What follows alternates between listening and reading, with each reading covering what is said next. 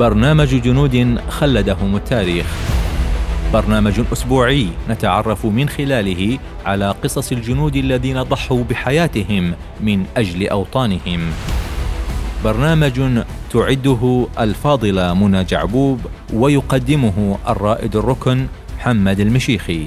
يأتيكم في الأحد من كل أسبوع في التاسعة صباحا.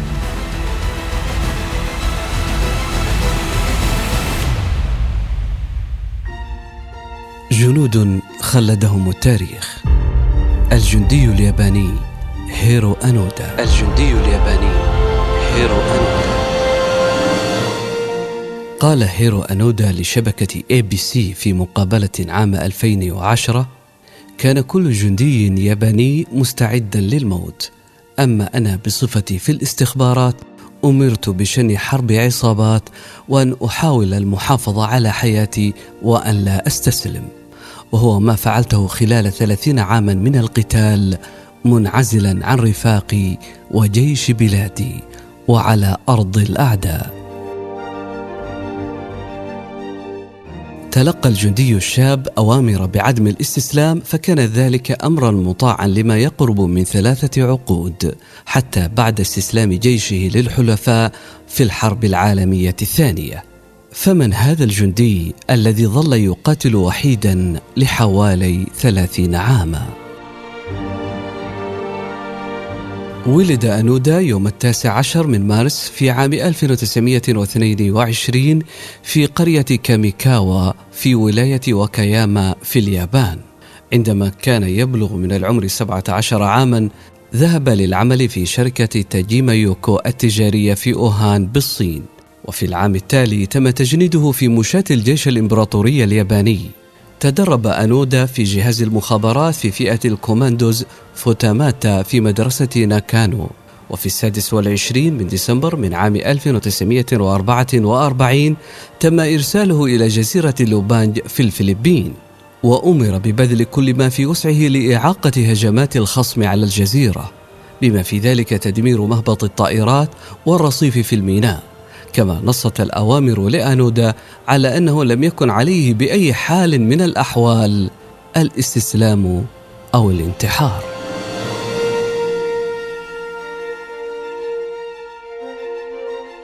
عندما هبط في الجزيرة انضم أنودا إلى مجموعة من الجنود اليابانيين الذين تم إرسالهم إلى هناك من قبل. ولكن لتأخر الضابط في إعطاء الإذن للجندي الصغير بتدمير مهبط الطيران والميناء كما نصت الأوامر الاستخبارية له فلم يتمكن من تنفيذ مهمته الأولى هناك. الأمر الذي سهل على الولايات المتحدة والقوات الفلبينية الاستيلاء على الجزيرة. بعد وقت قصير من هبوط التحالف كانت كل المجموعة اليابانية بين قتيل أو أسير ما عدا أنودا وثلاثة جنود آخرين. فأمر أنودا الذي تمت ترقيته إلى رتبة ملازم الرجال بالصعود إلى التلال رغم صعوبة الطريق ووجود جيش التحالف والكومندا الفلبينية في كل مكان إلا أنهم استحضروا تاريخ فرسان الساموراي وانطلقوا.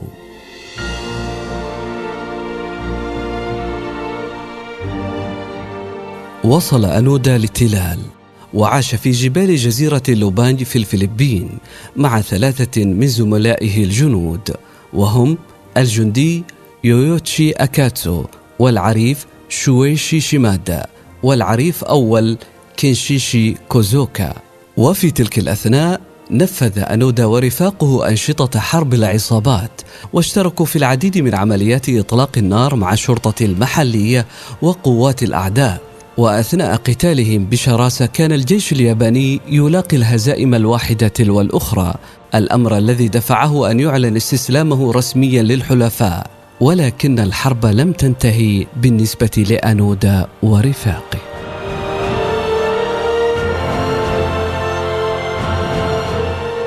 ولم يكن انودا ورفاقه يعلمون بأن اليابان استسلمت.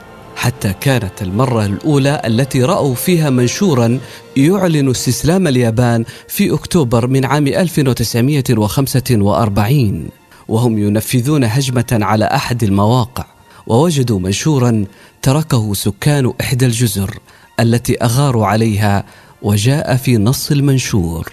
انتهت الحرب في الخامس عشر من أغسطس أنزل من الجبال. ومع ذلك لم يثقوا في النشرة. وخلصوا إلى أنها كانت دعاية للحلفاء واعتقدوا أيضا أنه لم يكن من الممكن إطلاق النار عليهم إذا كانت الحرب قد انتهت بالفعل. ومع اقتراب نهاية عام 1945 تم إسقاط منشورات عن طريق الجو مع طباعة أمر استسلام عليها من الجنرال تومويوكي ياماشيتا من جيش المنطقة الرابعة عشرة.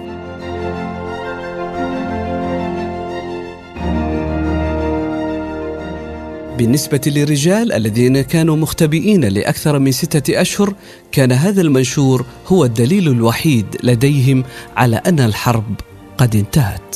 قامت مجموعة أنودا بدراسة المنشور عن كثب لتحديد ما إذا كانت أصلية وقرروا أنها ليست كذلك. فلم تكن روح أنودا تقبل الاستسلام.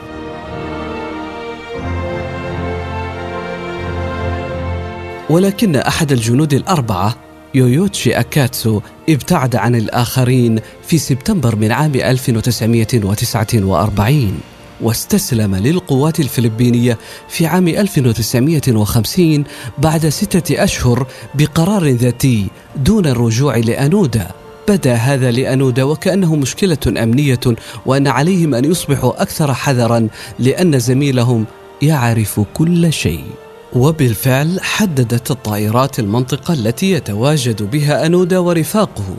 وفي عام 1952 تم إسقاط رسائل وصور عائلية من طائرات العدو وعبر مكبرات الصوت يحدثونه عن الاستسلام.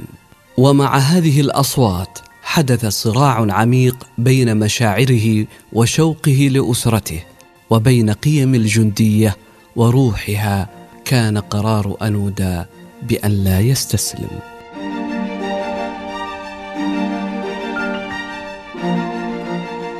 لقد خلص الجنود الثلاثة إلى أن هذه كانت خدعة وأن عليهم أن يقاتلوا. وفي إحدى المرات أصيب شيمادا برصاصة في ساقه خلال تبادل لإطلاق النار مع صيادين محليين في يونيو من عام 1953 فقام أنودا بتمريضه والاهتمام به إلى أن تعافى وعاد معا للقتال.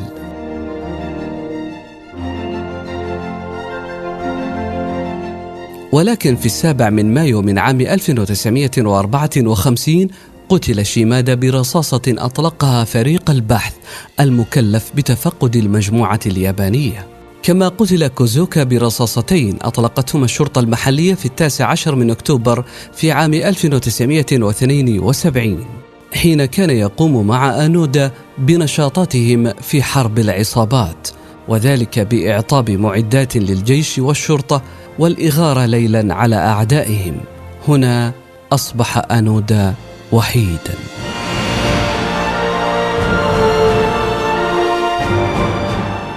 وذاعت قصة الجندي الياباني الذي يرفض الاستسلام لدى الشعب الياباني وأصبح بطلا ملهما لكثير من شباب اليابان. فقرر أحد الفتة اليابانيين أن يغادر اليابان بحثا عن أنودا.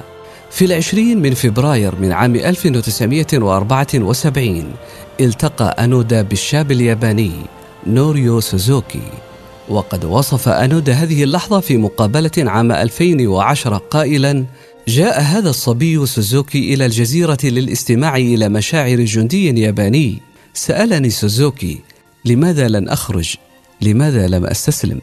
أصبح أنودا وسوزوكي صديقين وطلب منه سوزوكي الاستسلام لكن أنودا ظل يرفض الاستسلام قائلا لقد تلقيت أوامر من ضابط أعلى مني وعلي ان لا أخالفها.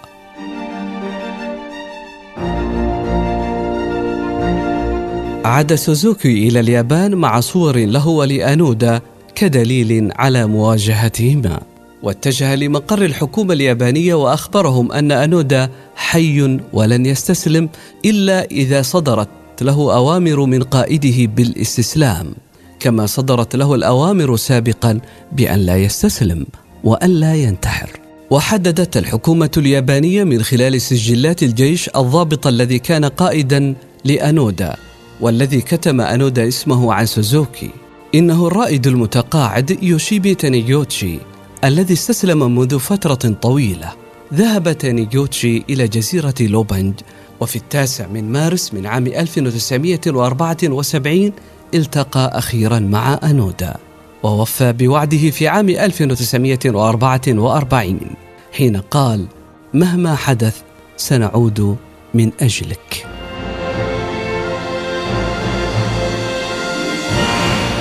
وقرأ تانيوتشي بعد ذلك على أنودا الأوامر الآتية.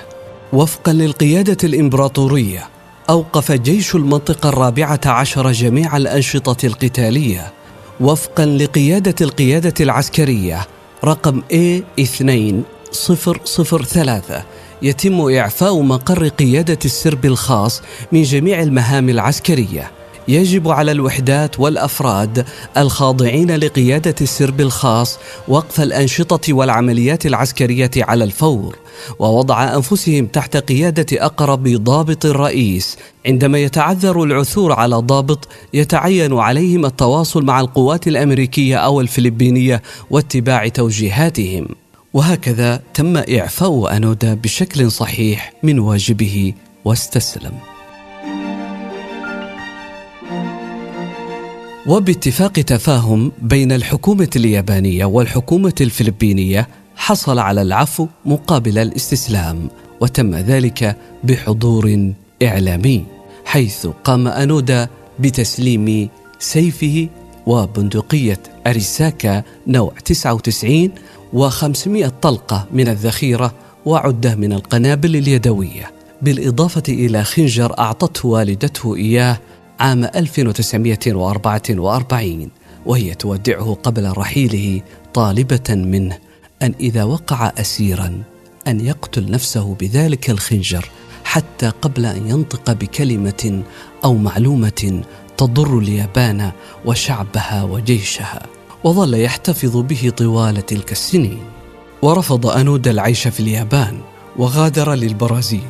ولكنه قرأ خبرا في عام 1980 مفاده مراهق ياباني قتل والديه فشعر أن حربه لأجل اليابان لم تنتهي وأن عليه العودة. عاد أنودا إلى اليابان في عام 1984 وأنشأ مدرسة أنودا في الطبيعة لتعليم الشباب. لتعليم الشباب قيم الجندية والساموراي المقاتل.